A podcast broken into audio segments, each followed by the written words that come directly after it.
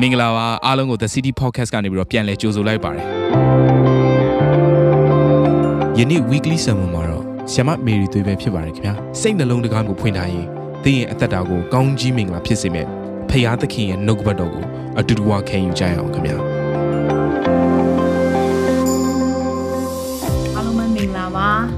မြန်မာပြည်မှာရှိကြတဲ့ယုံကြည်သူမိသားစုများအားလုံးနဲ့ကမ္ဘာရဲ့မှာရှိကြတဲ့ယုံကြည်သူမိသားစုများအားလုံးကိုမင်္ဂလာပါလို့ရှိဥစွာနှုတ်ခွန်းဆက်သလိုက်ပါတယ်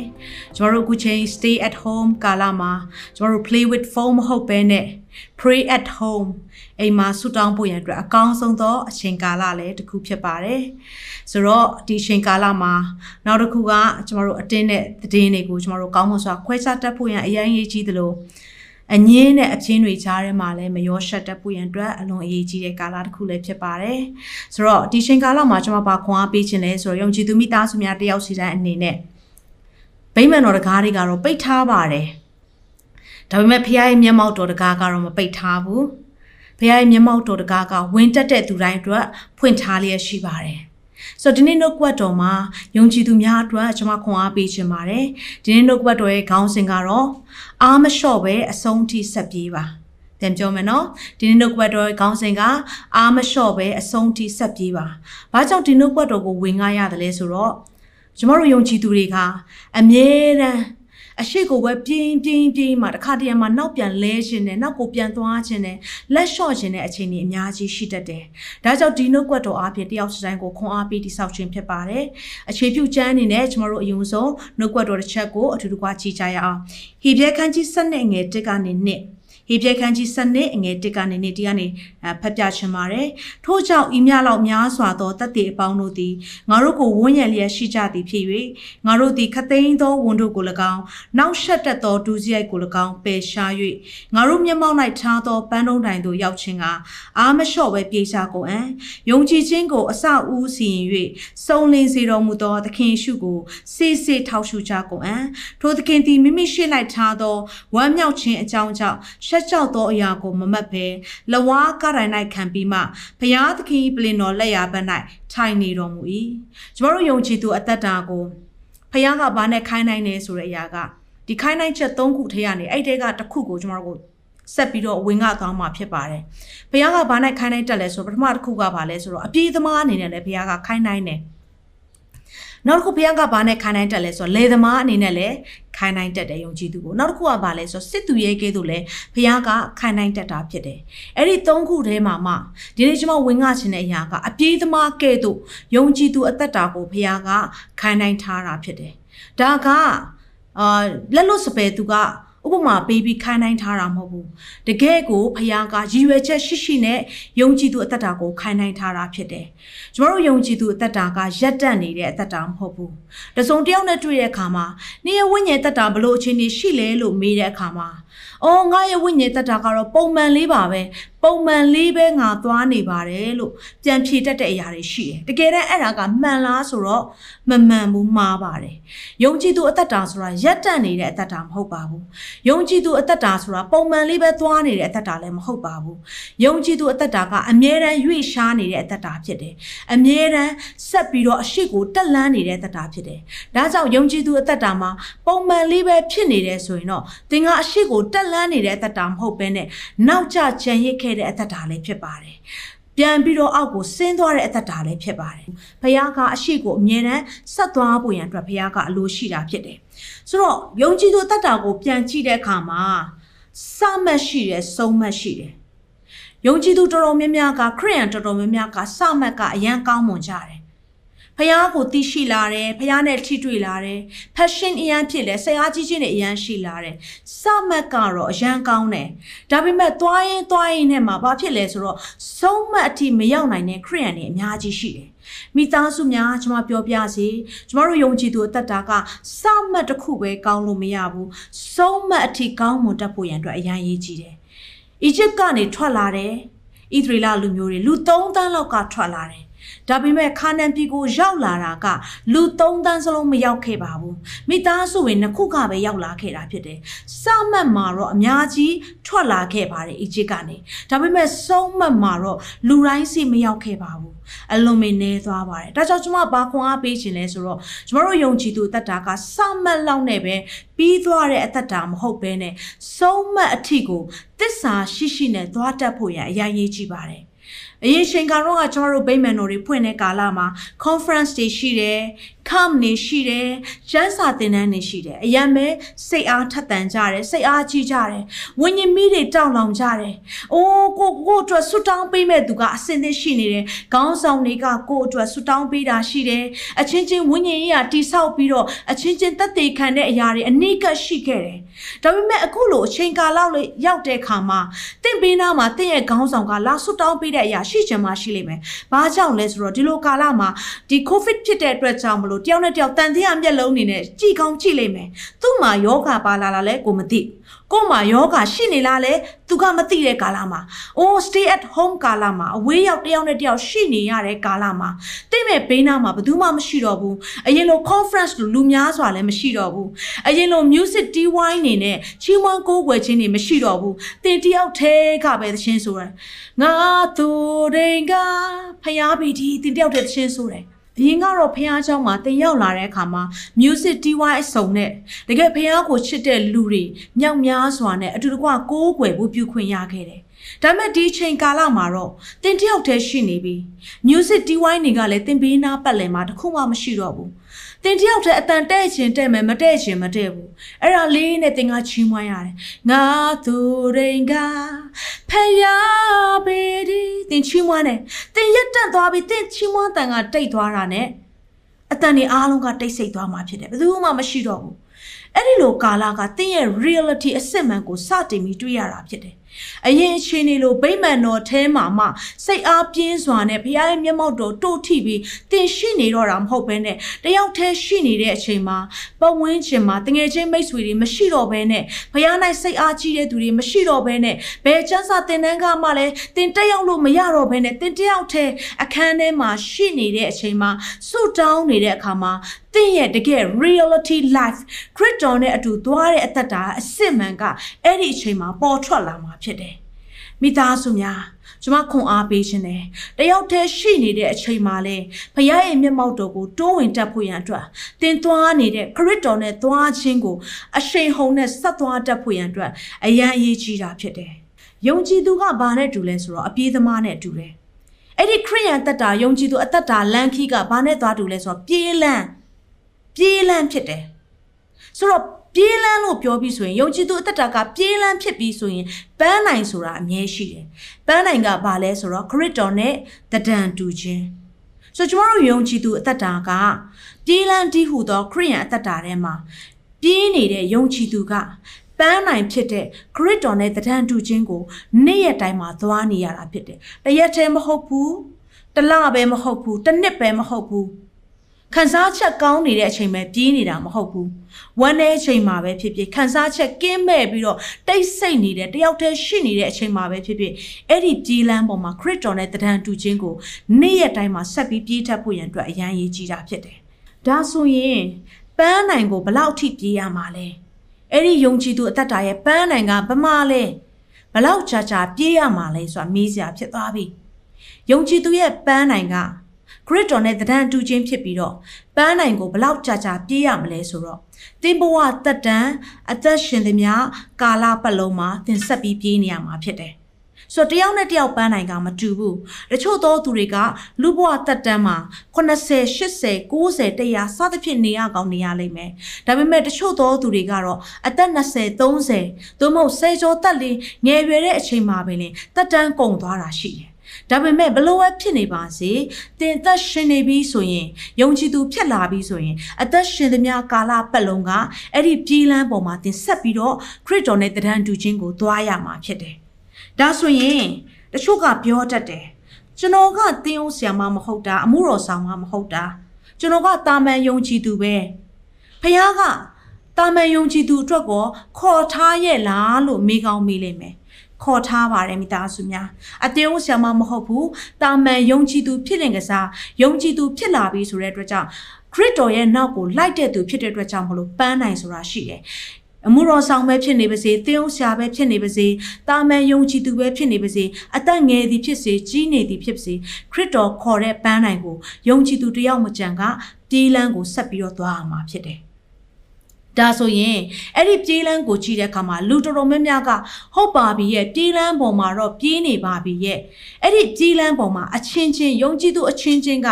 ပြန်ပြီးတော့တချို့သောယုံကြည်သူက compare လုပ်တတ်တဲ့အရာတွေရှိတယ် compare ဆိုတာနှိုင်းရှင်တဲ့အရာတွေရှိတယ် အဲ့ဒါကဘာလဲဆိုတော့ဘလို့နိုင်ရှင်တက်လဲဆိုတော့အချက်နှစ်ချက်ကိုကျွန်မဆက်ပြီးတော့ပြောမှာဖြစ်တယ်။တချို့သောယုံကြည်သူတွေကခရိယန်အသက်တာပြေးလန်းကိုဘာနဲ့ခိုင်းနိုင်တက်လဲဘာနဲ့အာ compare လုပ်တက်လဲဆိုတော့ speech လို့ခေါ်တဲ့လျင်နှုံးနဲ့ခိုင်းနိုင်တက်တယ်။ယုံကြည်သူအချင်းချင်းသူကလည်းပြေးနေတယ်ကိုကလည်းပြေးနေတယ်။ဒါပေမဲ့သူ့ကြည့်လိုက်တဲ့အခါမှာသူကပြေးတာကလက်ကလေးလိုပဲတရွေ့ရွေ့ပြေးတယ်။ကိုကတော့အရှိန်ဟုန်နဲ့ပြေးနိုင်တယ်။ ဒါနဲ့သူ့ကိုလဲကြည့်ပြီးတော့ဟမ်မင်းကလည်းပြောင်းလဲလာတာပဲငါကလည်းပြောင်းလဲလာတာပဲဒါပေမဲ့ငါကအရှိန်ဟုန်နဲ့ယုံကြည်သူအသက်တာကိုသွားနိုင်တယ်မင်းကတော့သွားလိုက်တာနှေးလိုက်တာလက်ကလေးကျနေတာပဲဘာလို့တက်လဲဆိုတော့အသေးတဲ့သူအချင်းချင်းဘေးနားမှာချိပြီးတော့ကဲ့ရဲ့မှုတွေဖြစ်တတ်တယ်မိသားစုများကျွန်မပြောပြစီခရိယန်တက်တာဆိုတာပြေးနေတဲ့အခါမှာပြေးချင်းညံချင်းနှေးချင်းနဲ့မဆိုင်ပါဘူးဘာကြောင့်လဲဆိုတော့ Christian life က long journey ဖြစ်တယ်ခရီးရှည်ဖြစ်တယ်ခရီးရှည်သွားရတဲ့အရာဖြစ်တဲ့အတွက်ကြောင့်မလို့ငါကမြန်မြန်ပြေးနိုင်လို့ငါကပိုတော်တယ်မင်းကနည်းနည်းလေးပဲပြေးနိုင်လို့မင်းကနောက်ကျတယ်ဆိုပြီးပြောလို့မရဘူးခရီးရှည်ကိုသွားရတဲ့အတွက်ကြောင့်မလို့အဆုံးတိုင်အောင်တည်ကြည်စွာနဲ့ပြေးနိုင်တဲ့သူဟာတကယ်အကောင်းဆုံးသောသူဖြစ်ပါလိမ့်မယ်အကြောင်းအရာလေးတစ်ခုကိုကျွန်မအမှတ်ရတယ်အဲ့ဒါကဘာလဲဆိုတော့ Olympic အဲ Olympic Games တွေမှာသူရဲ့ကစားတဲ့ဒီ ကစားနည်းလေးတစ်ခုရှိတယ်အဲ့ဒါက torch relay လို့ခေါ်တယ်ကျမတို့ YouTube တင်မှာလည်းရှာကြည့်လို့ရပါတယ်အဲ့ torch relay ကသူကအာပြေးတဲ့လျင်နှုံးအာဒီဘလောက်ပြေးနိုင်လဲဆိုတဲ့အရာပေါ်မှာမဟုတ်ဘဲနဲ့ဒီပြေးနေတဲ့ကာလတစ်လျှောက်လုံးမှာသူကဘာကိုကင်ထားလဲဆိုတော့အာမီးထုတ်ကိုကင်ထားရတယ်ဆိုတော့မီးညိတယ်အဲ့မီးတုပ်ကမီးလောင်ကျွမ်းနေတဲ့မီးတုပ်ကိုကင်ပြီးတော့ဒီပြေးလန်းတစ်လျှောက်လုံးမှာဒီမီးကမငိမ့်ဘဲနဲ့ သူမီးကိုဘလောက်ကြာကြာဆက်ထိန်နိုင်မလဲပုံမှာမူတည်ပြီးတော့ပြေးတာဖြစ်တယ်ဆိုတော့ဘလောက်ပဲလင့်မြန်စွာပြေးနေပါစေလမ်းတွက်မှာမီးငိမ့်သွားတာနဲ့အဲ့လူကရှုံသွားပြီဘလောက်ပဲနှင်းနေပါစေလမ်းတွက်မှာမီးငိမ့်တာနဲ့လည်း အဲ့လူကရှုံသွားပြီဒါပေမဲ့ तू ပြေးနေတဲ့ကာလတစ်လျှောက်လုံးမှာအဲ့ဒီမီးကိုမငိမ့်စေဘဲနဲ့ပန်းတိုင်ရောက်တဲ့အထိဒီမီးကိုတောက်လောင်စွာနဲ့ဆက်ပြီးတော့သဲနိုင်နေဆိုရင်ဒီလူကအောင်မြင်ခြင်းကိုရရှိတာဖြစ်တယ်ဆိုတော့ယုံကြည်သူအသက်တာကလည်းဒီလိုပဲသင်နှေးသည်ဖြစ်နေပါစေညံသည်ဖြစ်နေပါစေကိစ္စမရှိဘူးခရိယအသက်ရှင်ခြင်းမှာအဆုံးတိုင်အောင်သွားခြင်းမှာအဲ့ဒီတောက်လောင်ခြင်းနဲ့ဘုရားနဲ့အတူသွားခြင်းကိုအဆုံးတိုင်အောင်သွားနိုင်သွားနိုင်ခြင်းကအဓိကပဲဖြစ်တယ် နောက်တစ်ခုကလူတွေကဘလို့ compare လုပ်တတ်ကြလဲဆိုတော့ပထမတစ်ခုက speech လို့ခေါ်တဲ့လျင်နှုံးနဲ့ယုံကြည်သူအချင်းချင်း compare လုပ်တတ်တယ်နောက်တစ်ခုကဘာလဲဆိုတော့ဘလို့ compare လုပ်တတ်လဲဆိုတော့ perfect life လို့ခေါ်တဲ့ပြည့်စုံတဲ့ပြီးပြည့်စုံတဲ့အသက်တာဟမ်မင်းကိုကြည့်တဲ့အခါမှာအားနဲ့ချက်တွေကအများကြီးရှိတယ်တစ်ချိန်လုံးလဲလိုက်ထလိုက်လဲလိုက်ထလိုက်နဲ့ ဒုံရင်ကဒုံရင်ပဲမင်းကပြန်ဖြစ်နေတာပဲဒါပေမဲ့ငါကတော့အလိုမဟုတ်ဘူးငါကတော့လူဖြူပဲငါအကောင်းဆုံးငါလုပ်နိုင်တယ်ငါအကောင်းဆုံးငါသွားနိုင်တယ်မင်းလိုမဟုတ်ဘူးမင်းလိုအားနဲ့ချက်တွေပြည့်ဝတဲ့အသက်တာမဟုတ်ဘူးဆိုပြီးတော့အချင်းချင်းကြည့်တဲ့အခါမှာ perfect life လို့ခေါ်တဲ့ပြီးပြည့်စုံခြင်းနဲ့အားနဲ့ချက်တွေပုံမှာတယောက်နဲ့တယောက်ပြန်ပြီးတော့ compare လုပ်တတ်တယ်ဒီယာကမှန်လားဆိုတော့မှားပါတယ် ဘာကြောင့်လဲဆိုတော့ဖယားကအတုံးပြုတဲ့လူတွေတိုင်းမှာဖယားအတုံးပြုတဲ့နှုတ်ဘတ်တော်ထဲမှာရှိတဲ့ဖယားအတုံးပြုတဲ့လူတွေတိုင်းမှာအားနဲ့ချက်တွေများစွာရှိတဲ့လူတွေအများကြီးပါပဲဒါပေမဲ့သူတို့အားနဲ့ချက်တွေပေါ်မှာသူတို့ကထိုင်သွားတဲ့အသက်တာမဟုတ်ပဲနဲ့အဲ့ဒီအားနဲ့ချက်တွေပေါ်မှာအကြီးမားဆုံးသင်ခန်းစာယူပြီးတော့အဲ့ဒီအားနဲ့ချက်တွေကနောင်တနဲ့ပြန်ထပြီးတော့ဖယားနဲ့အတူပြေးတက်တဲ့သူတွေဖြစ်တယ် ကြရှုံးတယ်ရပါတယ်ဒါပေမဲ့အဲ့ဒီကြရှုံးခြင်းထဲမှာသင်ကစက်ထိုင်နေခြင်းမဟုတ်ဘဲနဲ့အဲ့ဒီကြရှုံးခြင်းထဲမှာပြန်လဲမတ်တရက်ဖို့ကပို့ပြီးတော့အရေးကြီးပါတယ်ဒါကြောင့်မိသားစုများသင်ရဲ့ဘဝအသက်တာကလဲလိုက်ထလိုက်လဲလိုက်ထလိုက်ဖြစ်နေတယ်ဆိုရင်လည်းလက်မလျှော့ပါနဲ့အဲ့ဒီသင်လဲချတဲ့နေရာမှာသင်ပြေးနေတဲ့ပန်းနိုင်ကိုမျောပြီးတော့ချိပြီးတော့လဲကြတဲ့တတမှာမတ်တရက်ပြီးတော့အဆုံးတန်အောင်ပြန်ပြေးတတ်ဖို့ရန်အတွက်အရန်ရေးကြီးပါတယ် ဒါဆိုရင်တချို့သောသူများကမေးချာဖြစ်လိမ့်မယ်။ကျမကတော့ယုံကြည်သူဖြစ်တယ်။ခရစ်တော်ကိုလက်ခံတဲ့အတွက်ကြောင့်မလို့တစ်ချိန်ကျရင်ကျမကကောင်းကင်နိုင်ငံရောက်မှာပဲ။ကျန်တဲ့အရာတွေကကိစ္စမရှိပါဘူးခရစ်တော်ကိုယုံကြည်ပြီးပြီပဲကျွန်မနေခြင်းသလိုနေမယ်ကျွန်မသွားခြင်းသလိုသွားမယ်ဒီတိုင်းသက်ရှင်လဲကျွန်မကကောင်းကင်ရောက်နေမှာပဲဆိုတော့ပိုးပြက်ပြက် စကလုံးနေနဲ့ပြောတတ်တယ်ကျွန်မပြောပြရစီခရိယန်တက်တာကအပြေးသမားကဲ့သို့ဖြစ်တယ်အဆုံးတန်အောင်ပြေးတတ်ဖို့အရန်ရည်ကြီးတယ်အဆုံးတန်အောင်ပြေးခြင်းမရှိဘူးကိုနေခြင်းတလို့နေအိုးဒီလိုပဲအပြေးသမားဖြစ်ပြီးတော့သူဖြစ်ခြင်းတလို့ပဲသူဘဝကိုသူနေနေမယ်ဆိုရင်ဘုရားရှိခိုးသူရင်ဆိုင်ရမယ့်အရာနှစ်ခုရှိတယ်အဲ့ဒါကဘာလဲဆိုပထမတစ်ခုကအဆုံးတိုင်အောင်တစ္ဆာရှိစွာမသွားနိုင်တဲ့သူကဘုရားရှိခိုးအဆက်ကွဲခြင်းကိုခံရပါတယ်နှုတ်ကပတ်တော်တစ်ချက်ကိုကျွန်တော်တို့အတူတကွကြည့်ရအောင် လူကာခန်းကြီး14အငယ်28ကနေ30လူကာခန်းကြီး14အငယ်28ကနေ30ဖြစ်ပါတယ်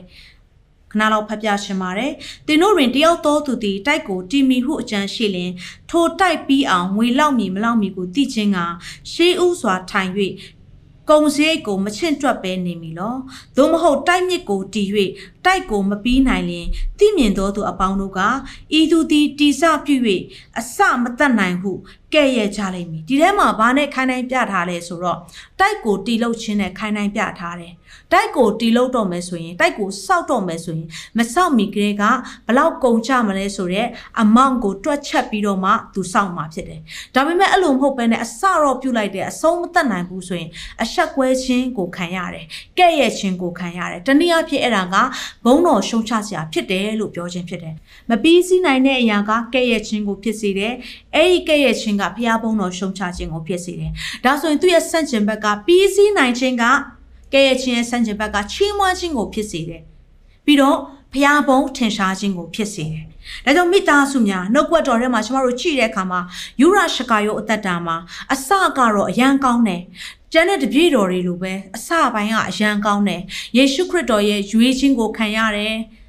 ပြီးတော့ယေရှုခရစ်တော်ရဲ့မျက်နှာသာပေးခြင်းကိုလည်းခံစားရတယ်အစပိုင်းကတော့အရန်ကောင်းပါတယ်ဒါပေမဲ့အဆုံးမသက်နိုင်တဲ့အခါမှာယခုတက်တိတိုင်လူကသေသွားပေမဲ့နာမည်ကမသေဘူး ဆိုဒီအရာကလူသေးပေမဲ့နာမည်မသေးဘူးဆိုတာကောင်းခြင်းတစ်ခုတည်းမဟုတ်ဘူးစိုးခြင်းမှာလည်းလူသေးပေမဲ့နာမည်ကမသေးဘဲနဲ့ကြံရစ်ခဲ့တယ်ဒါကြောင့်ကျမတို့ယူရရှကာယုတ်အကြောင်းပြောလိုက်တဲ့အခါတိုင်းမှာလူတွေနှာခေါင်းရှုပ်ကြတယ်ဘယ်သူမှကိုယ့်ရဲ့သားသမီးကိုယူရရှကာယုတ်လို့မမဲ့ပါဘူးဘာကြောင့်လဲဆိုတော့တကယ်ကိုဒီလူတို့ပြောလိုက်တာနဲ့လူတိုင်းကနှာခေါင်းရှုပ်ကြတဲ့သူဖြစ်လို့ပဲဖြစ်တယ်ဒါပေမဲ့ရှင်ပေါလုတမန်တော်ရှင်ပေါလုကကြတော့သူကဘယ်လိုပြောလဲဆိုတော့ငါကတဲ့ပြေးရသောလမ်းကိုအဆုံးတိုင်အောင်ပြေးတယ် သူပြေးရမယ့်လမ်းကိုအဆုံးတိုင်အောင်ပြေးတယ်ဆိုတော့ပေါလုရဲ့တက်တာကိုပြန်ကြည့်တဲ့အခါမှာသူခက်ခဲခြင်းတွေပင်ပန်းခြင်းတွေဝမ်းနည်းခြင်းတွေဒုက္ခပြဿနာတွေများစွာအခြားသောသူတွေထက်များစွာပိုကြုံတွေ့ရတဲ့အရာတွေရှိတယ်။ဒါပေမဲ့သူဘာပြောလဲဆိုတော့ငါပြေးရမယ့်လမ်းကိုတဲ့ပြေးရမယ့်လမ်းကိုလို့ပြောတဲ့အတွက်ကြောင့်အပြေးသမားတယောက်ကဲ့သို့သူ့ကိုသူခိုင်းနိုင်ခြင်းဖြစ်တယ်။ပြေးရမယ့်လမ်းကိုအဆုံးတိုင်အောင်ပြေးတယ်။ ကနေ့ကျမတို့တယောက်စီတိုင်းကရှင်ပေါလုကဲ့သို့ပြောနိုင်ပြီလားငါပြေးရမယ့်လမ်းကိုအဆုံးတိုင်အောင်ပြေးနိုင်တယ်ဆိုတဲ့အရာကိုသင်ပြောမှသာလျှင်ဖခင်ကသင်ကိုသာရုသစ္စာရှိတဲ့ငယ်သားကောင်းလို့ခေါ်မှာဖြစ်တယ်ကျမတို့တယောက်စီတိုင်းကပြေးရမယ့်လမ်းကိုအဆုံးတိုင်အောင်ပြေးဖို့အရန်ရေးကြီးတာဖြစ်တယ်။ဆိုဒီဟာနဲ့ပတ်သက်ပြီးတော့ကျမလေးစားရတဲ့အာပါစတာယန်ပြောလိုက်တဲ့အရာလေးတခုကိုကျမအမြဲတည်းရအဲ့ဒါကဘာလဲဆိုတော့ဆရာကြီးဒေါက်တာဘီလီဂရီဟန်နဲ့ပတ်သက်ပြီးတော့သူပြောပြောခဲ့တာဖြစ်တယ်။ဆိုတော့ ဒါလေးတခုကိုကျွန်မအနေငယ်ဝေမျှချင်ပါတယ်ဆိုတော့1945မှာအမေရိကန်နိုင်ငံမှာဖျားကြီးမားစွာအသုံးပြုတဲ့လူထောင်နဲ့တောင်းနဲ့ကြီးမားစွာမြောက်များစွာသောလူတွေကိုနှုတ်ပတ်တော်ဝေငှခြင်းအဖြစ်တကယ်နိုးထောင်မှုကိုဖြစ်စေတဲ့ အာဆရာကြီးရှိတယ်ဆိုတော့အဲ့၃ယောက်ထဲမှာဆရာကြီးဒေါက်တာဘီလီဂရဟန်ကလည်းတယောက်အပါဝင်ဖြစ်တယ်သူနဲ့အတူနောက်ထပ်၂ယောက်ရှိပါသေးတယ်အဲ့၂ယောက်ကလည်းဆရာကြီးဘီလီဂရဟန်တက်တောင်ပြောဆိုမှုတွေတကယ်ကိုနှုတ်ကပတ်တော်ဝင်ကားမှုတွေတာဝိကောင်းမှုနဲ့လို့တချို့တွေကချီးမွမ်းတဲ့အရာတွေလည်းရှိတယ်ဒါပေမဲ့ယခုချိန်ကာလကိုပြန်ကြည့်တဲ့အခါမှာအဲ့ဒီနှစ်ယောက်ရဲ့နာမည်ကိုမတွေ့ရတော့ဘဲနဲ့ဆရာကြီးဒေါက်တာဘီလီဂရဟန်ရဲ့နာမည်ပဲကျန်ရစ်ခဲ့တယ်။ဘာကြောင့်လဲဆိုတော့အဲ့1945မှာဆရာကြီးဒေါက်တာဘီလီဂရဟန်နဲ့အတူကျန်တဲ့နှစ်ယောက်ကတချိန်ထိုးနာမည်ကြီးခဲ့ပါတယ်။တယောက်ကဘာတူလဲဆိုတော့ check Templeton ဖြစ်ပြီးတော့နောက်တစ်ယောက်က Brown Clifford ဖြစ်ပါတယ်။ဆိုတော့သူတို့နှစ်ယောက်ကိုပြန်ကြည့်တဲ့အခါမှာ1945မှာဆရာကြီးဒေါက်တာဘီလီဂရဟန်နဲ့အတူ Check ကော Brown ကောနှစ်ယောက်စလုံးကတရှိန်တူတကယ်ကိုနာမည်ကြီးပြီးတော့တကယ်ဖះကြီးမဆိုတာအသုံးပြုခဲ့တယ်ဒါပေမဲ့ချက်ကိုပြန်ကြည့်တဲ့အခါမှာ တယောက်ကိုကျွန်တော်ပြောပြမယ်ချက်ကိုပြန်ကြည့်တဲ့အခါမှာအဲ့1945ကနေပြီးတော့9နှစ်ကြာသွားတဲ့အခါမှာချက်ရဲ့သူ့ရဲ့ lifestyle သူ့ရဲ့အသက်တာကိုပြန်ကြည့်တဲ့အခါမှာ 1945ကနေပြီးတော့9နှစ်နောက်ပိုင်းလဲကြာကောသူကခရစ်တော်နဲ့အတူဆက်မသွားတော့ဘဲနဲ့ TV presenter တယောက်အနေနဲ့သူဆက်ပြီးတော့ရှိနေတယ်ဆက်ပြီးတော့သူလုံရင်းလုံရင်းနဲ့မှသူဘာဖြစ်လာလဲဆိုတော့ငွေကြီးတွေအများကြီးရလာတယ်တကယ်ပဲခရစ်တော်ကနေသူတပြေးပြေးနဲ့ဒီလောကအရာတွေကနေသူလိုက်ရင်လိုက်ရင်နဲ့မှသူဘာဖြစ်လာလဲဆိုတော့နောက်ဆုံး TV မှာသူဟာယေရှုခရစ်တော်ကိုမိမိရဲ့အသက်သခင်ကယ်တင်ပိုင်ရှင်ဖြစ် ညင်းပယ်တယ်ယေရှုကငါဖះမဟုတ်ဘူးလို့တရဝင်းအများရှိမှညင်းပယ်တဲ့အထိဖြစ်သွားတယ်ဆိုတော့အဆုံးသတ်မလာခဲ့ဘူးနောက်တစ်ယောက်ကဘာတူလဲဆိုတော့ Bron Clifford ဖြစ်တယ် Bron Clifford က1945မှာဖယားသူကိုကြီးမားစွာအရှိန်ဟုန်နဲ့နာမည်ကြီးပြီးအသုံးပြုတာကနေပြီးတော့နောက်ထပ်9နှစ်ကြာသွားတဲ့အခါမှာသူကခရစ်တော်ထဲကနေပြီးတော့ပြေးလန်းကနေသူဆက်ပြီးတော့ရွေ့ရှားပြီးတော့ သွေဖယ်ပြီးတော့သူ့ရဲ့အသက်တာဘာဖြစ်သွားလဲဆိုတော့အရက်သေးစားအရက်ကြီးကျွံဘဝကိုရောက်ရှိလာတယ်ပြည်တစားတွေနဲ့မှားယွင်းလာတယ်မကောင်းမှုဒုစရိုက်တွေကိုလှုပ်လာတယ်အဲ့ဒီနောက်ပိုင်းမှာအချုပ်အနေနဲ့ပြောရမယ်ဆိုရင်မိသားစုကနေဟိုဝေးကွာတဲ့အထိကွဲသွားတဲ့အထိအာပြီးတော့အခါမှာသူ့ရဲ့ ministry တွေဆုံးရှုံးတဲ့အထိဖြစ်လာတယ်အဲ့ဒီအပြင်ကိုဘာဖြစ်လဲဆိုတော့တရက်တော့ model တစ်ခုမှာတကယ်ပဲ Willis Slit နဲ့အရက်တေစာမူရန်ပြီးတော့တည်ဆုံးသွားတဲ့အထိ ဝလစ်လင်နဲ့ဖြစ်တဲ့အထီတောင်သူ့ဘဝကအဆုံးသတ်ခဲ့တာဖြစ်တယ်ဆိုတော့ဆယ်စုနှစ်တစ်ခုပါပဲ ကြာခဲ့ပါတယ်ဒါပေမဲ့သူတို့ဘဝအသက်တာကယေရှုခရစ်တော်နဲ့အတူဆက်မသွားတဲ့အခါမှာအဆုံးမှာအစကတော့အယံကောင်းတယ်ဖျားကြီးမစွာသုံးခဲ့တယ်ဒါပေမဲ့အဆုံးသက်ကလှပလားဆိုတော့အဆုံးသက်ကမလှပခဲ့ပါဘူးဒါကြောင့်မိသားစုများကျမတို့ကအစကတော့ခရစ်တော်နဲ့သွားတာအယံကောင်းပေမဲ့သင်အဆုံးထိသွားနိုင်မလားဆိုတဲ့အရာကအယံအရေးကြီးတဲ့အရာလည်းဖြစ်တယ် ဆိုတော့ဘာကြောင့်ကျွန်မဒါကိုပြောရလဲဆိုတော့အဆုံးထိမသွားနိုင်ခြင်းကအဆက်ကွဲခြင်းကိုဖြစ်စေတယ်အဆုံးထိမသွားနိုင်ခြင်းကဖျားသင့်အားဖြင့်ပြီးစည်းစေခြင်းတဲ့အရာတွေကိုပြီးစည်းအောင်မလုံဆောင်နိုင်ခြင်းလည်းဖြစ်စေပါတယ်ဆိုတော့ကျမတို့အသက်တာမှာကိုတယောက်တည်းအဆုံးထိမသွားနိုင်တဲ့အရာကကိုယ့်ရဲ့တဘဝတာလုံးလောက်ပဲမဟုတ်ပဲနဲ့နောက်ထပ်ကိုနဲ့သက်ဆိုင်တဲ့ generation တွေမှာအထူးသဖြင့်နိုင်ငံအတွက်ပါ ဖျားကိုအဖြစ်ပြီးစည်းစေခြင်းတဲ့အရာတွေကိုလက်ဆောင်မတနိုင်ပဲဖြစ်တတ်ပါတယ်။ဘာကြောင့်လဲဆိုတော့နှုတ်ကပတ်တော်ထဲမှာပြန်ကြည့်တဲ့အခါမှာရှင်ဘီရင်ရှောလူရဲ့အသက်တာကိုကျမတို့တွေ့ရပါတယ်။ဖျားကအာမလက်မျိုးကိုရှင်းရှင်းဖြတ်စီ အာမလက်ရှင်ဘီရင်အာကတ်ကိုလည်းဖြတ်စီအာမလက်နဲ့သက်ဆိုင်တဲ့အရာတွေပစ္စည်းဥစ္စာလူသိုးနွားအစည်းပွားတစ်ခုမှမယူဘဲနဲ့ရှင်းရှင်းဖြတ်စီခိုင်းတယ်။ဒါပေမဲ့ရှောလူကဘာလုပ်လဲဆိုတော့သိုးနွားအစည်းပွားကောင်းပေသည့်ကောင်းပါတယ်ဆိုတဲ့ဟာတွေကိုယူလာပြီးတော့အာမလက်ရှင်ပြင်အာဂတ်ကိုရှင်းရှင်းမဖြတ်စည်းပဲမဖြတ်စည်းတဲ့အခါမှာဘာတွေ့ရလဲဆိုတော့ရှောလူလက်ထပ်ပြီးတဲ့နောက်နောက်ပိုင်းမျိုးဆက်သစ်10ခုမှာ tenth generation မှာဘာကြုံဘာကြုံတွေ့ရလဲဆိုတော့နောက်ထပ်မျိုးဆက်သစ်10ခုလည်းရောက်သွားတဲ့အခါမှာ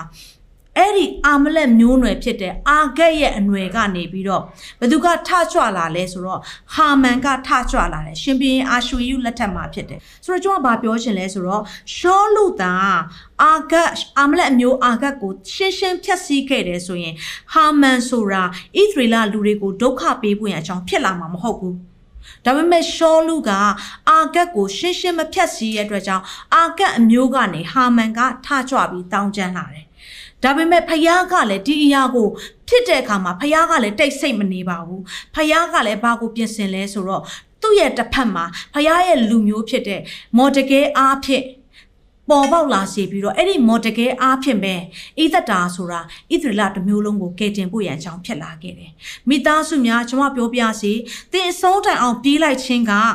သင်အတွက်သာမကဘဲနဲ့သင်ရဲ့ generation တွေတစ်ခုလုံးအတွက်ပါ generation အတွက်ကောင်းချီးမင်္ဂလာကိုဖြစ်စေတယ် ဆိုတော့ကျမတို့မမိမယ်လို့ယုံကြည်တယ်ပထမတစ်ခုကအဆုံးတိုင်အောင်မပြေးနိုင်ဘူးဆက်ပြီးတော့အဆုံးတိုင်အောင်မရောက်နိုင်ခြင်းကအဆက်ကွဲခြင်းကိုဖြစ်စေတယ်ဒုတိယတစ်ချက်ကအဆုံးတိုင်အောင်မပြေးနိုင်ခြင်းကဘာကိုဖြစ်စေလဲဆိုတော့ခရစ်တော်ရဲ့တရားပလင်ရှေ့မှာတရားစီရင်ခြင်းကိုခံရမှာဖြစ်တယ်ခရစ်တော်ရဲ့တရားပလင်ရှေ့မှာတရားစီရင်ခြင်းကိုခံရမယ့်အရာကဆိုတော့ကျွန်တော်နှုတ်ပတ်တော်တစ်ချက်ကိုကျွန်မဖတ်ချင်ပါတယ်နှစ်ကောခန်းကြီး9ငယ်30မှာအကြောင်းမူကားငါတို့ရှိသမျှသည်ကိုခန္ဓာ၌ကျင့်တော်အခြင်းကောင်းမကောင်းရှိသည့်အတိုင်းအကျိုးအဖြစ်ကိုအသီးသီးခံခြင်းကခရစ်တော်၏တရားပလင်ရှင်း၌ပေါ်လာရကြမည်ဆိုတော့ဒီနှုတ်ဘတ်တော်ကခရစ်တော်ရဲ့တရားပလင်ရှင်းမှာပေါ်လာရကြမယ်ဆိုတဲ့အရာကမယုံကြည်သူတွေအတွက်စီရင်တဲ့ judgment seat ကိုပြောတာမဟုတ်ဘူးယုံကြည်သူတွေအတွက်စီရင်မဲ့ judgment seat ကိုဆိုလိုခြင်းပဲဖြစ်တယ်ဆိုတော့ကျမတို့လှုပ်ဆောင်သမျှအရာအားလုံးကတဲ့ English မှာဘယ်လိုရေးထားလဲဆိုတော့ for we must or appear ဒီထဲမှာ should လို့မသုံးဘူး must လို့သုံးထားတယ်ပေါ်ကိုပေါ်လာမယ်ဖြစ်ကိုဖြစ်ရမယ်ထွက်ကိုထွက်ပေါ်လာမယ် change တည်တယ်ဆိုတဲ့အရာနဲ့ပေါ်ပြခဲ့ခြင်းပဲဖြစ်တယ် we must လို့သုံးထားတယ် or appear ထွက်ပေါ်လာမယ်ကျမတို့လှုပ်ဆောင်သမျှအရာခတ်သိမ်းအရာခတ်သိမ်းလို့ပြောတဲ့အတွက်ကြောင့်တင်လှုပ်ဆောင်ခြင်းရဲ့ကောင်းခြင်းတွေလည်းပါတယ်တင်ရဲ့လှုပ်ဆောင်ခြင်းရဲ့ဆိုးခြင်းတွေလည်းပါတယ်အဲ့ဒီကောင်းခြင်းနဲ့အတူအကျိုးကိုခံစားရပြီးတော့ဆိုးခြင်းနဲ့အတူအပြစ်ကိုလည်းခံစားရမှာဖြစ်တယ်တင်လှုပ်ဆောင်သမျှအတိုင်းအကျိုးရလက်ကိုတင်ပြန်ရရှိမှာဖြစ်တယ်ဆိုတော့ဒါကြောင့်ဖခင်ကကျမတို့လှုပ်ဆောင်သမျှအရာအလုံးကတင်ဘလို့လှုပ်ဆောင်ခဲ့လဲတင်ရဲ့ပြေးလမ်းမှာတင်ဘလို့သွားခဲ့လဲတင်ရဲ့အသက်တာမှာဘလို့အသက်ရှင်ခဲ့လဲဆိုတဲ့အရာတွေကရွှေငွေကြောက်ကောင်းတစ်သားမြက်ပင်ကောက်ရိုးလားပဲဟိုတင်ကရွှေကဲ့သို့ပေါ်ထွက်မလားသို့မဟုတ်တင်ကမြက်ကဲ့သို့ပေါ်ထွက်မှာလား ကြောက်ကောင်းကဲ့သို့ပေါ်ထွက်မလားတင်းလှုပ်ဆောင်သမျှအရာအလုံးကလူရှိမှဖုံးကွယ်လို့ရပါမယ်ဖျားရှိမှဖုံးကွယ်လို့မရဘူးဖျားရှိမှအရာခတ်သိမ်းအလုံးကပေါ်ထွက်လာမှာဖြစ်တယ်ဒါကြောင့်ကျွန်မခွန်အားပေးခြင်းနဲ့မိသားစုများဖျားရှိမှတွေ့ရမယ့်အရာဖြစ်တဲ့အတွက်ကြောင့်တင်ကပြေးလန်းကိုတင်သွားတဲ့အခါမှာလက်လွတ်စပယ်သွားတာမဟုတ်ဘဲနဲ့ခရစ်တော်နဲ့အတူနေ့ရက်တိုင်းမှာပြေးတက်ဖို့ရန်သွားတက်ဖို့ရန်အသက်တာထဲမှာအယံပဲအရေးကြီးတာဖြစ်တယ် ဆိုတော့ဒါဆိုရင်ယုံကြည်သူတယောက်ကပြေးတဲ့အသက်တာကဲ့သို့ပြေးသောသူကဲ့သို့အသက်တာဖြစ်တယ်ဆိုရင်ပြေးလန်းကိုပြေးတဲ့အခါမှာဘယ်လိုပြေးရမှာလဲဘလို့အဆုံးထိပြေးနိုင်မလဲဆိုတဲ့အရာနဲ့ပတ်သက်ပြီးတော့ဆက်ပြီးတော့ဝေမျှသွားမှာဖြစ်ပါတယ်။ပြေးလန်းကိုပြေးတဲ့အခါမှာအရန်ရေးကြည့်တဲ့အချက်၃ချက်ရှိပါတယ်။ဒါလေးကိုကျွန်မဆက်ပြီးဝေမျှမှာဖြစ်တယ်။ပထမတစ်ချက်ကပါလဲဆိုတော့ပြေးတဲ့သူတယောက်ကအဆုံးတိုင်အောင်ပြေးချင်နေဆိုရင် အရေးကြီးတဲ့အရာကယုံကြည်သူမှာခတ်သိမ်းသောဝန်ခတ်သိမ်းသောဒုစရိုက်ကိုပယ်ရမယ်ပြေးတဲ့သူတယောက်ကအရန်လေးတဲ့ပစ္စည်းတွေကိုတည်ပြီးတော့သူပြေးမယ်ဆိုရင် तू လိုရာပန်းနိုင်ကိုကောင်းမှုစွာရောက်နိုင်မှာမဟုတ်ဘူး။ သူဘလောက်ပဲစိတ်ကပဲစိတ်ဆန္ဒရှိနေပါစေအဲ့ဒီအရန်လေးတဲ့ဝန်ထုတ်တွေအရန်လေးတဲ့ပစ္စည်းတွေကသူ့ကိုအရှိကိုဆက်ပြီးမသွားနိုင်အောင်သွားတဲ့အခါမှာလဲပင်ပန်းရှင်းတဲ့သူဒုက္ခရအောင်သူ့ကိုသူပြန်ပြီးတော့လှုပ်ဆောင်နေခြင်းပဲဖြစ်နေလိမ့်မယ်ဒါဆိုရင်ပြီးတဲ့အခါမှာခတ်သိမ်းသောဝန်ဆိုတာဘာကိုပြောခြင်းလဲဆိုတော့ပြဿနာတွေကိုပြောခြင်းဖြစ်တယ် အခုချစ်နေတဲ့မိသားစုတွေထဲမှာတချို့သောသူတွေရဲ့အသက်တာမှာခင်မွန်းတဲ့ဇနီးတဲ့နဲ့ပတ်သက်ပြီးတော့ရင်ဆိုင်နေရတဲ့ပြဿနာတွေရှိကောင်းရှိလိမ့်မယ်။တချို့သောသူတွေကသားသမီးနဲ့သက်ဆိုင်တဲ့ရင်ဆိုင်နေရတဲ့အရာတွေဘလောက်ပဲတုံတင်တုံတင်နားမထောင်ဘဲနဲ့ညှင်းဆန်တဲ့အရာတွေကိုငိုကြွေးပြီးဆွတောင်းနေရတဲ့အခြေအနေတွေရှိကောင်းရှိလိမ့်မယ်။ဒါပေမဲ့တချို့သောသူတွေမှာတော့အဲ့လိုမဟုတ်ဘဲနဲ့အကျွေးနဲ့သက်ဆိုင်တဲ့အရာတွေမနေ့ဖြန်မှာငါအကျွေးပေးရတော့မယ်။ငါဘယ်လိုလုပ်ရမလဲဒီအကျွေးတွေနဲ့ငါဘယ်လိုဆက်သွားရမလဲငါအသက်တောင်မရှင်ရှင်တော့ဘူးဆိုတဲ့အခြေအနေထိဖြစ်ကောင်းဖြစ်နိုင်ပါတယ်။ဒါပေမဲ့ကျွန်မပြောပြရစီယေရှုကဘာပြောလဲဆိုတော့ငါတဘိုးကထမ်းလွယ်တယ်။ငါဝန်ကလည်းပေါ့တယ်။ငါထံမှာနိခံမှာ။ ဆိုတော့ကျမတို့ဒီထမ်းရတဲ့ဝန်ထုတ်တွေနဲ့အပြေးသမားကဲ့သို့ဆက်ပြီးတော့ဒီဝန်ထုတ်တွေနဲ့သွားမယ်ဆိုရင်တင်တကယ်ကိုဝမ်းနေခြင်းတွေနဲ့ရင်ဆိုင်ရမှာဖြစ်တယ်။အဲ့ဒီဝန်ထုတ်တွေကိုခရစ်တော်ရှေ့မှာချထားတတ်ဖို့ရန်အရန်ရေးကြီးပါတယ်။အဲ့ဒီလိုခရစ်တော်ရှေ့မှာချထားတတ်မှသာလျှင်သင်ကပြေးလန်းကိုကောင်းမွန်စွာရောက်ရှိမှာဖြစ်တယ်။များစွာသောသူတွေကခရစ်တော်ရှေ့မှာဝန်ထုတ်ကိုတော့ချထားပါတယ်။ဘယ်အချိန်မှာချလဲဆိုတော့သူဆွတ်တောင်းတဲ့အချိန်မှာပဲချတယ် ဒါပေမဲ့ဆုတောင်းလဲပြီးတော့အဲ့ဝန်ထုတ်ကိုသူကပြန်တင်ပြီးတော့သူပြန်ထမ်းနေရောဖះကဘာပြောလဲဆိုတော့ခတ်သိမ်းသောဝန်ကိုချပါနောက်တစ်ခုကဖះကဘာပြောလဲဆိုတော့ခတ်သိမ်းသောဒုစရိုက်ဒုစရိုက်ကိုလည်းပယ်ရမယ်ဝန်ကိုလည်းပယ်ရတယ်လို့ဒုစရိုက်ကိုလည်းပယ်ရမယ်ဒုစရိုက်ကိုမပယ်ဘူးဆိုရင်အဲ့ဒုစရိုက်ကတင့်ရဲ့အသက်ရှင်ခြင်းထဲမှာခရစ်တော်နဲ့တရံတူခြင်းထဲမှာလွဲဖယ်မှုသွေဖယ်မှုကိုဖြစ်စေတယ် ကျမတို့ရှန်ဆုံရဲ့အသက်တာကိုကြည့်မယ်ဆိုရင်ရှန်ဆုံကဖယားသူ့ကိုသုံးမျိုးသုံးစားအဖြစ်ကောင်းချီးပေးခဲ့တယ်ပထမတစ်ခုကသူ့ကိုဘလို့အဖြစ်ကောင်းချီးပေးခဲ့လဲဆိုတော့ warrior စစ်သူရဲ့တယောက်အနေနဲ့ကောင်းချီးပေးခဲ့တယ်နောက်တစ်ခုကသူ့ကိုဘလို့ကောင်းချီးပေးလဲဆိုတော့ leader လို့ခေါ်တဲ့ခေါင်းဆောင်ပိုင်းခေါင်းဆောင်မှုနဲ့ပတ်သက်ပြီးဖခင်သူ့ကိုကောင်းချီးပေးတယ်နောက်တစ်ခုကသူ့ကိုဘလို့ကောင်းချီးပေးလဲဆိုတော့ gifted တကယ်ကိုစုကျေးဇူး gift သူ့မှာရှိရခွန်အားအဲ့ဒီစုကျေးဇူးသူ့မှာရှိတယ် နာရှရီလူလည်းဖြစ်တယ်နော်အဲ့ဒီအပြင်ကိုတရားသူကြီးမက်စာကိုပြန်ကြည့်တဲ့အခါမှာတရားသူကြီးလက်ထက်မှာရှင်ပြင်းနေမရှိတဲ့အတွက်ကြောင့်မလို့ဖခင်ကဘသူတွေအားဖြင့်အုပ်ချုပ်စေလဲဆိုတော့အဲ့ဒီတရားသူကြီးတွေနဲ့အုပ်ချုပ်စေတယ်အဲ့ဒီတရားသူကြီးတွေနဲ့အုပ်ချုပ်စေခြင်းထဲမှာရှန်ဆုံတီနောက်ဆုံးတရားသူကြီးတစ်ယောက်လည်းဖြစ်တယ်ဆိုတော့သူ့ကိုအရေးချင်းနေပေးထားတယ်တကယ်စစ်သူရဲ့ကဲတော့လည်းဖះခေါ်ထားတယ်သူ့ကိုတကယ်ပဲဖះကခေါင်းဆောင်မှုနဲ့လည်းကောင်းချီးပေးထားတယ် ဒါပေမဲ့ဘလောက်ပဲဖះကောင်းချီးပေးပေးအဲ့ဒီဒုစရိုက်ကိုမပယ်ဘူးဆိုရင်သူ့ရဲ့ပြေးလန်းကနေလွဲချော်တဲ့အရာတွေဖြစ်ကုန်တယ်ဆိုမိသားစုများကျွန်တော်ဘာခွန်အားပေးခြင်းလဲဆိုတော့တင်ကပြေးပြီဆိုရင်အဲ့ဒီပြေးလန်းထဲမှာတင့်ကိုလေးလံစေတဲ့ခတ်သိမ်းသောဝန်ကိုဖယ်ပါတင့်ကိုသွေးဖဲစင်မဲ့လမ်းချော်စင်မဲ့ခတ်သိမ်းသောဒုစရိုက်ကိုဖယ်ပါအဲ့ဒီလိုဖယ်မှသာလင်တင်ဆက်ပြေးတဲ့အခါမှာကောင်းမွန်တဲ့အပြေးသမားတစ်ယောက်ဖြစ်လာမှာဖြစ်တယ် နောက်ဒုတိယတစ်ချက်ကပါလဲဆိုတော့ဟုတ်ပြီနော်ပထမတစ်ချက်ကိုမှတ်မိမယ်နော်ခတ်သိမ်းသောဝန်ဒုစရိုက်တွေကိုပယ်ရမယ်ပြေးမယ်ဆိုရင်နောက်ဒုတိယချက်ကပြေးမယ်ဆိုရင်သင်ကယုံကြည်သူအသက်တာမှာဘာကိုလုပ်ဖို့လိုအပ်လဲဆိုတော့ခရစ်တော်ကိုစစ်စစ်ညှော်ချီတက်ဖို့ရန်အတွက်အရန်ရေးကြီးတယ်။ဘာကြောင့်လဲဆိုတော့အပြေးသမားတယောက်ကသူပြေးပြီဆိုရင်ခရစ်တော်ကိုမချိဘဲနဲ့အရှိမရှိတဲ့ခရစ်တော်ကိုမချိဘဲနဲ့ဘေးတွေကိုလိုက်ချိနေမယ်ဆိုရင်ချင်းတွေပဲ အဲ့ဒီအရှိမဘာရှိလဲဆိုတဲ့အရာကို तू ကောင်းစွာမြင်ရမှာမဟုတ်ဘူး။သို့မဟုတ်အဲ့ဒီရှေ့မှာ तू ကောင်းမွန်စွာမချိတဲ့အတွက်ကြောင့်မလို့ဘာဖြစ်လာနိုင်သေးလဲဆိုတော့ခလုတ်တိုက်တာတွေချော်လဲတာတွေနာကျင်မှုတွေသူဖြစ်နိုင်တယ်။ဒါကြောင့်ပြေးသမားတယောက်ကသူပြေးတဲ့အခါမှာအရှိကိုပဲတက်တက်ပန်းနိုင်ကိုပဲတက်တက်မျောကြည့်တယ်လို့ယုံကြည်သူအသက်တာမှာလဲခရစ်တော်ကိုစစ်စစ်မျောကြည့်တတ်ဖို့ရန်အရာရေးကြီးပါတယ်။နှုတ်ဘတ်တော်ထဲမှာကျမတို့ကြည့်တဲ့အခါမှာပေထရုရဲ့အသက်တာကိုကျမတို့မြင်တွေ့ရမှာဖြစ်တယ်။ ယေရှုကလာခဲ့လို့လေပေါ်ကနေသူ့ကိုခေါ်တဲ့အခါမှာတခါတည်းအရန်သွားခြင်းတဲ့ပေထရုကလေကိုလေကနေထွက်ပြီးတော့ရေပေါ်မှာပင်တကယ်ပင်လေပင်လေမှာခြေတော့ကိုစမ်းပြီးတော့သူသွားနေတယ်ခရစ်တော်ကိုကြည့်တဲ့အခါမှာသူကောင်းကောင်းရှောက်နိုင်ပါတယ်ရေပေါ်မှာလမ်းလျှောက်ခြင်းပြောတာကောင်းကောင်းရှောက်နိုင်တယ်နော်ဒါပေမဲ့သူကဘေးကိုကြည့်လိုက်တဲ့အခါမှာဘေးကိုကြည့်လိုက်ခြင်းက ဖះကိုကိုသွားစေခြင်းနဲ့လမ်းချောင်းကနေတွေ့ဖယ်မှုကိုအာယုံဆိုင်လိုက်ခြင်းလည်းဖြစ်တယ်ဆိုတော့အဲ့လိုဖြစ်တာနဲ့တပြိုင်နက်တည်းသူမြုပ်သွားတယ်ရင်နစ်သွားတယ်ဆိုတော့ကျွန်တော်တို့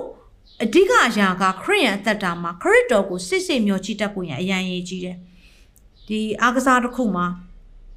ကျွန်တော်အရန်နှစ်သက်တဲ့အရာလေးဖြစ်တယ်အဲ့ဒါကဘာလဲဆိုတော့လေလော်ပြိုင်ပွဲဖြစ်တယ်ဆိုတော့လေလော်တဲ့သူတွေက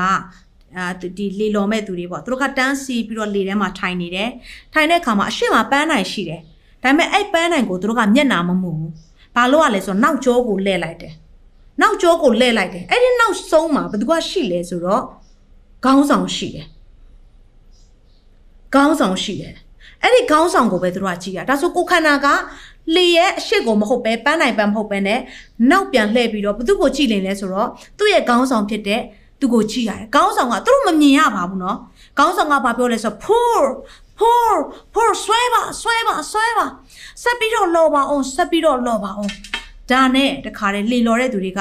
သူတို့ကပြောင်းပြန်ကြီးဖြစ်နေတယ်ဒါပေမဲ့သူတို့ကြည့်နေတဲ့ကခေါင်းဆောင်ဖြစ်တဲ့အတွက်ကြောင့်မလို့အနာဂတ်ပန်းနိုင်ကိုဗမာပန်းနိုင်ရောက်မလဲဆိုတဲ့အတွက်ကြောင့်ကြောလှည့်ထားတဲ့အတွက်မမြင်ရဘူးဒါပေမဲ့သူတို့ဘာလုပ်လဲဆိုတော့အဲ့ poor ဆိုတဲ့စကားလုံးတစ်ခုမှာ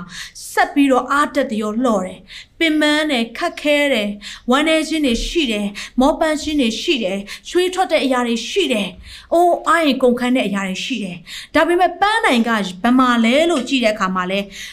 သူတို့ကသူတို့ရဲ့ခေါင်းဆောင်ကိုပဲကြည့်နေတဲ့အတွက်ကြောင့်နောက်ပြန်ဖြစ်နေတဲ့အတွက်ကြောင့်အရှိမပန်းနိုင်ကိုမမြင်ရဘူးဒါပေမဲ့သူတို့ဘာကြားလဲဆိုတော့ဆက်ပြီးတော့လှော်ပါအောင်ဆက်ပြီးတော့သွားပါအောင်ဆက်ပြီးတော့လှော်ပါအောင်ဆိုတဲ့အရာကိုသူ့ရဲ့ခေါင်းဆောင်ကိုစစ်စစ်မြင့်မြင့်မျှော်ချိပြီးတော့အဲ့ဒီအတိုင်းနားထောင်တဲ့အခါမှာအော်သူတို့ကြည့်လိုက်တဲ့အချိန်မှာငါတို့ကပန်းနိုင်ကိုရောက်နေပါလားဆိုတဲ့အရာကိုမြင်ရတယ်ဆိုတော့တခါတည်းကျမတို့ဘဝအသက်တာမှာအဲ့ဒါနဲ့သွားတူတယ်ငါရဲ့ပန်းနိုင်ကဗမာလဲဆိုတာသင်မသိပါဘူး ငါရဲ့ပန်းနိုင်ကဘယ်ချမှရောက်မှာလဲဆိုတာလဲသင်မသိပါဘူးဒါပေမဲ့ ကြည့်နေတဲ့ခေါင်းဆောင်ကိုပဲစစ်စစ်ကြည့်တယ်လို့ခရစ်တော်ကိုပဲစစ်စစ်ကြည့်ပြီးတော့သင်ရဲ့ဘဝအသက်တာကိုခရစ်တော်ရဲ့ခရစ်တော်နဲ့အတူသွားတဲ့အခါမှာသင်ကြည့်လိုက်တဲ့အခါမှာသင်ကပန်းလုံးနိုင်ကိုရောက်ရှိနေတဲ့သူတစ်ယောက်ဖြစ်လိမ့်မယ်။ဒါကြောင့်ခရစ်တော်ကိုစစ်စစ်မျှော်ကြည့်ဖို့ရန်အရန်ရေးကြီးပါတယ်။ဆိုတော့ကျွန်တော်တို့မမီမဲယုံကြည်တယ်ပထမတစ်ခုကဘာလဲဆိုတော့ခတ်သိမ်းသောဝန်ဒူးစရိုက်တွေကိုပယ်ပါဒုတိယတစ်ခုကဘာလဲဆိုတော့ခရစ်တော်ကိုစစ်စစ်မြင့်မြင့်မျှော်ကြည့်ဖို့အရန်ရေးကြီးတယ်။တတိယတစ်ခုကဘာလဲဆိုတော့အရန်ရေးကြီးတယ်ပြည်တဲ့သူတယောက်အတွက်ကပြေးလန်းတဝက်မှာမရက်တမ်းမိပါစေနဲ့ပြန်ပြောမယ်နော်ပြေးလန်းတဝက်မှာမရက်တမ်းမိပါစေနဲ့ယုံကြည်သူတော်တော်များများကပြေးတယ်သွားတယ်ခရစ်တော်နဲ့အတူသွားနေတယ်ဒါပေမဲ့ဘာဖြစ်လာလဲဆိုတော့ပြေးနေမှလဲချတဲ့အခါမှာဘေးနားမှာရှိတဲ့သူတွေကဝေဖန်တတ်တယ်နေကတော့ဘုရားကျောင်းမှာတော့အားရပါရချီးမွမ်းနေပြီးတော့ခရစ်တော်ကိုတကယ်ပဲစာငတ်တယ်ဆိုပြီးတော့ငိုယိုပြီးတော့နေ့ရဲ့အသက်တာကိုဆက်ကပ်ပြီးတော့အခုနေ့ပြန်ကြည့်ရန် ဒုံရင်ကဒုံရင်ပါပဲဘာမှထူးခြားလာတာလည်းမဟုတ်ဘူးနင်ဘလောက်ပဲနေဖျားစီစက္ကန့်နေ့အခြေအနေကဒီလိုပဲပြန်ဖြစ်မှာပဲနေပတ်ဝန်းကျင်ကြောင့်နေဒီလိုမျိုးပဲပြန်ဖြစ်နေမှာပဲဘာလို့တက်ကြလဲဆိုတော့လူတစ်ဖက်သားကိုဆုံးဖြတ်ချက်ကိုပေးလိုက်တယ်လမ်းတော့မာတယ်လူတစ်ဖက်သားကိုဆုံးဖြတ်ချက်ပြုလိုက်တယ်ဒီအရာကတကယ်ပဲလွဲတယ်လွဲမားတဲ့အရာဖြစ်တယ်အဲ့လိုဆုံးဖြတ်ချက်ကို ပြောလိုက်တဲ့အခါမှာ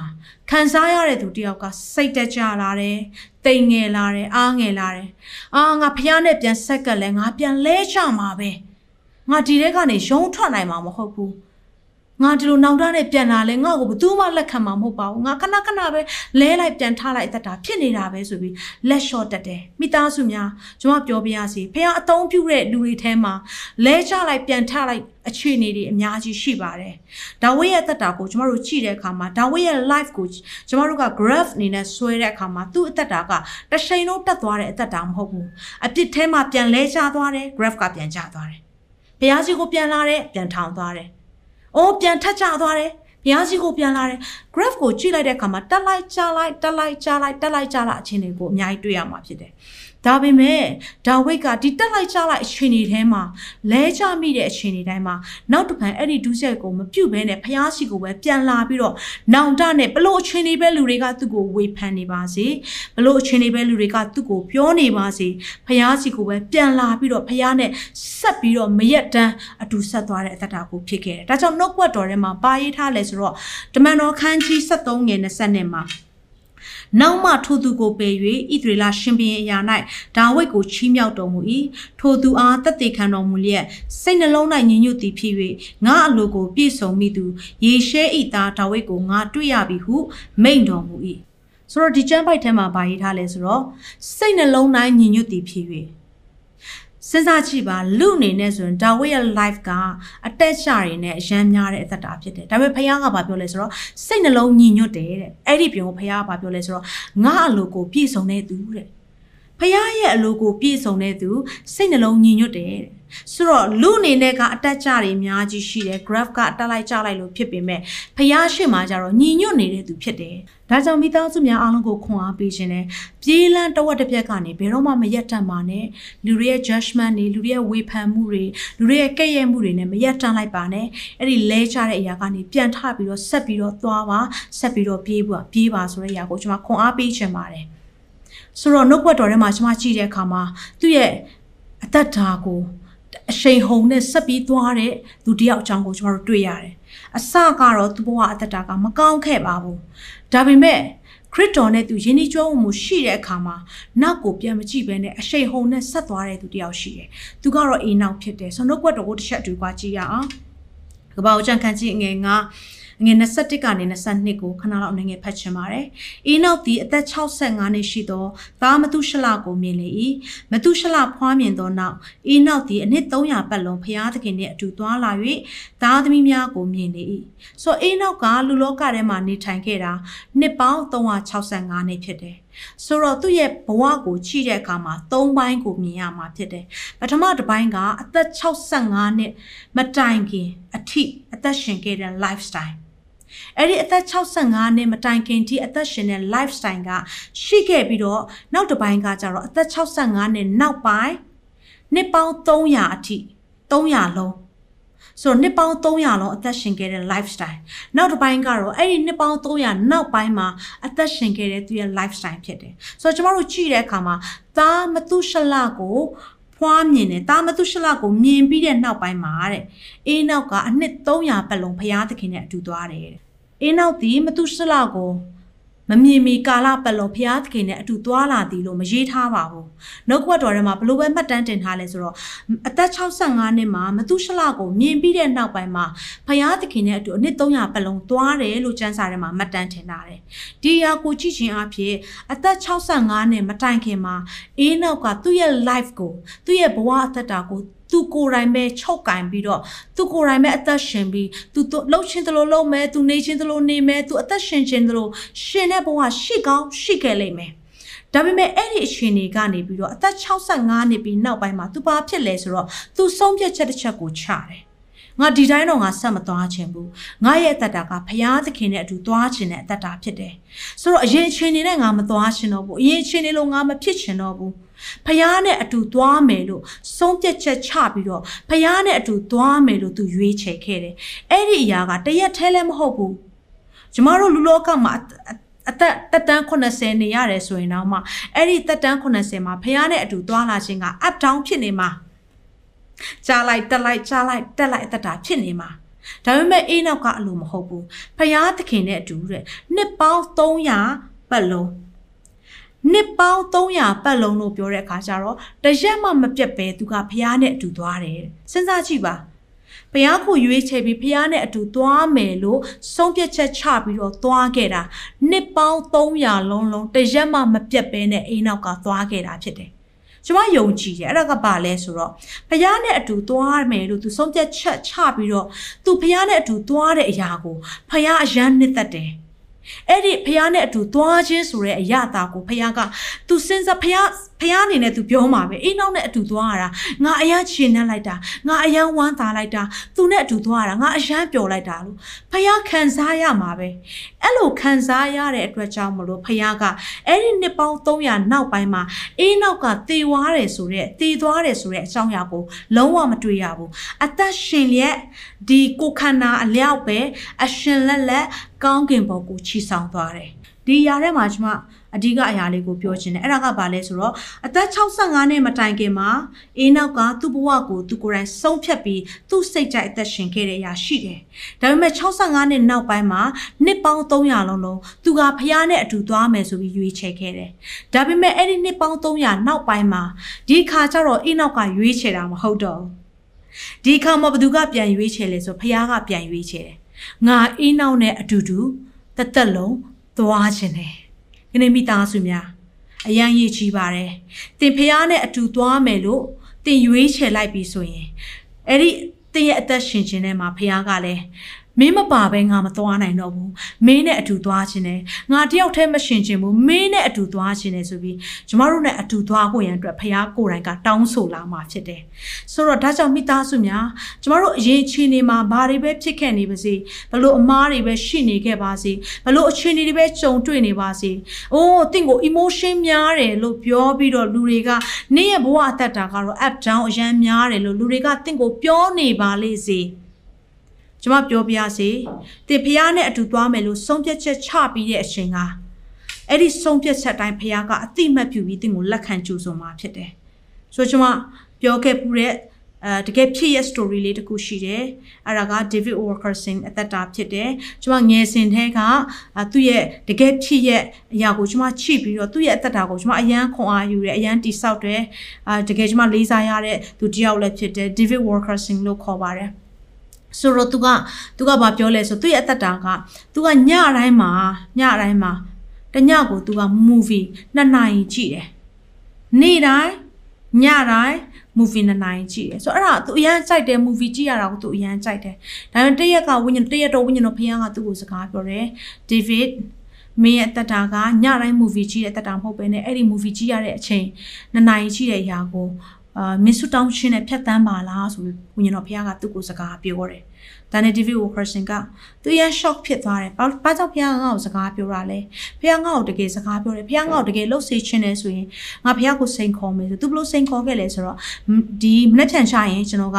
သတင်းစာမှာကျွန်တော်ရဲ့ TV ကိုရောင်းမယ်ဆိုပြီးတော့ကြော်ညာလိုက်မယ်။အဲ့ဒီကြော်ညာပြီးတဲ့နောက်ပိုင်းမှာကျွန်တော်ကဘာလုပ်မလဲဆိုတော့အဲ့ဒီတညအလုံးကိုကျွန်တော်နှစ်ချိုက်စွာအိတ်အောင်မယ်။ဒါပေမဲ့မနေ့မှာ ကျွန်တော်အလန်းပေးမယ်ပပုံမဲ့အိယာထားတဲ့အချိန်အလန်းပေးမယ်အဲ့ဒီအလန်းမတိုင်ခင်နိုင်ဝက်အလိုမှာတစုံတစ်ယောက်ကကျွန်တော်ရဲ့ TV ကိုလာဝယ်တယ်ဆိုရင်ကျွန်တော်အနေနဲ့အဲ့ဒီရက်ကနေစပြီး TV ကိုရောင်းပြီးတော့ညတိုင်းညတိုင်းမှာနေ့တိုင်းမှာကျွန်တော်နှစ်နိုင်အချိန်ယူပြီးဖះနဲ့ဆွတောင်းမယ်လို့သူဆုံးဖြတ်တယ်ဒါနဲ့တခါတည်းကြော်ညာသူလှုပ်လိုက်တယ် TV ရောင်းမယ်ဆိုကြော်ညာလှုပ်လိုက်တယ်သူပြန်လာတယ်တခါတည်းသူပုံမှန်တိုင်းပဲသူရှိတယ်ညဘက်သူကောင်းမွန်စွာအိတ်ဆက်လိုက်တယ်ဒါပေမဲ့ဘာဖြစ်လာလဲဆိုတော့ နောက်တစ်ရက်လက်ချောင်းသူအလန်းပေးထားတဲ့အခါမှာအလန်းမမြည်ခင်နိုင်ဝက်အလိုမှာဖုန်းဆက်ပါလို့တစုံတစ်ယောက်ကဖုန်းဆက်တယ်ဆိုရင်နမိတ်လက္ခဏာနဲ့ဖုန်းဆက်တယ်ဆိုရင်သူလှုပ်ဆောင်မယ်ဆိုတဲ့အတိုင်းပဲအလန်းမမြည်ခင်9မိနစ်အလိုမှာတစ်ယောက်ကဖုန်းဆက်တယ်အာ David Walkerson လားဟုတ်ပါတယ်ကျွန်တော်ပါအာခင်ဗျားရဲ့ TV ကိုရောင်းမယ်လို့ဒီဒီ တည်င်းထဲမှာတွေ့ရတယ်ကြော်ညာထဲမှာတွေ့ရတယ်ဆိုတော့ကျွန်တော်ဝယ်ချင်ပါတယ်ဆိုပြီးသူစီဖုန်းဆက်တယ်ဒါနဲ့သူအရန် shock ဖြစ်သွားတယ်အော်ဖះကသူနဲ့အချိန်ယူဖို့ရန်အတွက်သူ့ကိုစကားပြောနေပြီလားဆိုတဲ့အရာကိုသူကောင်းစွာသိခဲ့တယ်ဒါနဲ့သူ့ရဲ့ TV ကိုသူရောင်းတယ်ရောင်းပြီးတော့သူဘာလုပ်လဲဆိုတော့အဲ့ TV ကြည့်တဲ့အချိန်တွေအားလုံးကိုဖះနဲ့အတူစကားပြောတဲ့အချိန်ဖြစ်သူပြောင်းလဲခဲ့တယ်ဒီကတော့သူကအာမဂ္ဂဇင်းတစ်ခုကိုသူဖတ်တယ် New York Life Magazine ကိုသူဖတ်တယ်အဲ New York Life Magazine ကိုသူဖတ်တဲ့အခါမှာသူပါတွေ့ရလဲဆိုတော့ gangster ဂိုင်းတစ်ဖွဲ့ကနေပြီးတော့ကလေးငယ်တယောက်ကိုတက်ဖြတ်တဲ့အရာကိုသူတွေ့ရတယ်သူတွေ့ရတယ်သူဖတ်ရတဲ့အခါမှာဟာဘာကြောင့်ကလေးငယ်လေးကိုဒီလောက်ထိရရဆက်ဆက်တက်ဖြတ်တာလဲဒီရန်ဆိုးတဲ့အရက်မှာသွားပြီးတော့အမှုတော်ဆောင်ချင်လိုက်တာဆိုရယ်သူရဲ့စိတ်ဆန္ဒဖြစ်လာတယ် ဒါနဲ့သူဆုံးဖြတ်တယ်အဲ့ဒီနေရာကငါရအောင်သွားမယ်ဆိုပြီးသူသွားခဲ့တယ်သူသွားပြီးတော့အဲ့ဒီနေရာမှာအမှုဆောင်တဲ့အခါမှာဂန်စတာတွေအများကြီးရှိတယ်အဖွဲလိုက်အဖွဲလိုက်မတူညီတဲ့ဂိုင်းတွေ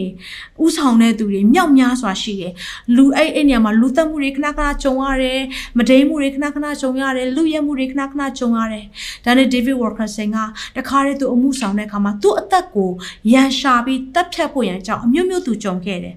အဲ့ဒီထက်ကဂိုင်းဂန်စတာတွေကဂိုင်းတစ်ခုဖြစ်တဲ့ဒီခေါင်းဆောင်ကဘာလို့လဲဆိုတော့ Nicky Cruz ဖြစ်တယ်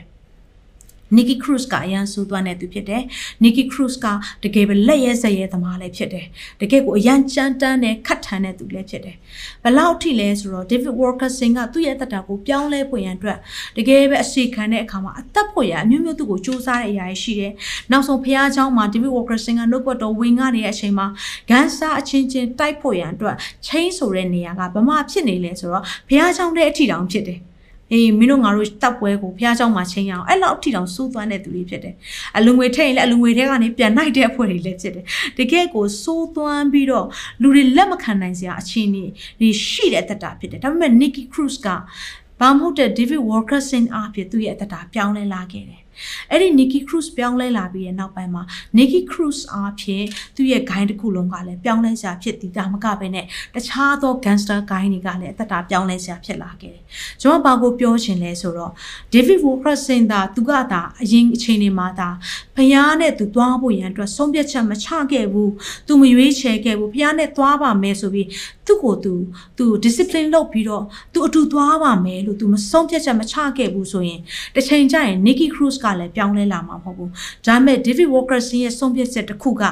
ဂန်းစားတွေအတွက်ပြောင်းလဲစရာဖြစ်လာခဲ့တယ်။အနေမိသားစုများတင်ဖျားနဲ့အတူသွားမယ်။ဖျားနဲ့အတူငါဆက်သွားမယ်။ငါရဲ့ပြေးလန်းကိုအဆုံးတိုင်အောင်ငါသွားမယ်။ဘလို့အရှင်တွေပဲဖြစ်နေပါစေ။မိသားစုတွေကဘလောက်ပဲခက်ခဲနေပါစေ။စီးပွားရေးတွေကဘလောက်ပဲချက်တဲနေပါစေ။အကျွေးမြေတွေကဘလောက်ပဲရှိနေပါစေ။ ငါပန်းတိုင်ကိုရောက်တဲ့အထိငါအဆုံးတိုင်အောင်တီချီချင်းနဲ့ဆက်ပြေးမယ်လို့ဆုံးဖြတ်ချက်ချတဲ့အခါမှာတင့်ရဲ့အသက်တာကအေးနောက်ကဲ့သို့အသက်တာဖြစ်လာလိမ့်မယ်။ဒါကြောင့်မိသားစုများဓမ္မဟောင်းမှာရှိတဲ့တကယ်ယုံကြည်ခြင်းသူရဲ့ခေါင်းတွေရဲ့အသက်တာကဓမ္မဟောင်းချမ်းမှာဖော်ပြခြင်းအဖြစ်အနေကျမတို့ဘဝအသက်တာတွေကတိဆောက်ခြင်းကိုခံစားခဲ့ရတယ်။အတူယူခြင်းကိုခံစားရတယ်။အခုဓမ္မသစ်ကိုရောက်ရှိလာပြီ။ဓမ္မသစ်ကပြီးတာမဟုတ်ဘူး။တင့်ရဲ့လက်ထက်အထိဓမ္မသစ်ကဆက်ပြီးတော့ဖြစ်နေတာဖြစ်တယ်။ ဒါကြောင့်မိသားစုများအဲ့ဒီကြံတဲ့